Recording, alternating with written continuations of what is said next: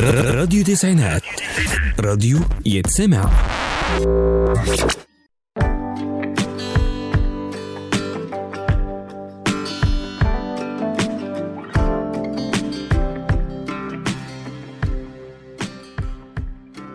مساء الفل عليكم. معاكم رويدة عزت من برنامج تكوينات سامة بدأتها معاكم الأسبوع اللي فات.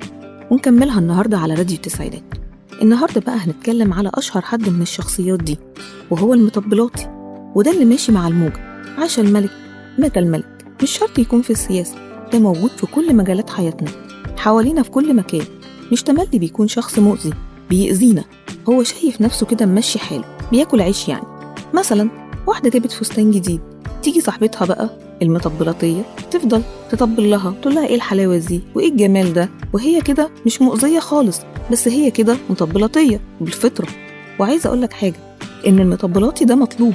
آه والله زي ما بقول لك كده هو فعلا شخص مطلوب في حياتنا لأنه بيعمل نوع من السعادة والإنتعاش للشخص اللي بيطبله.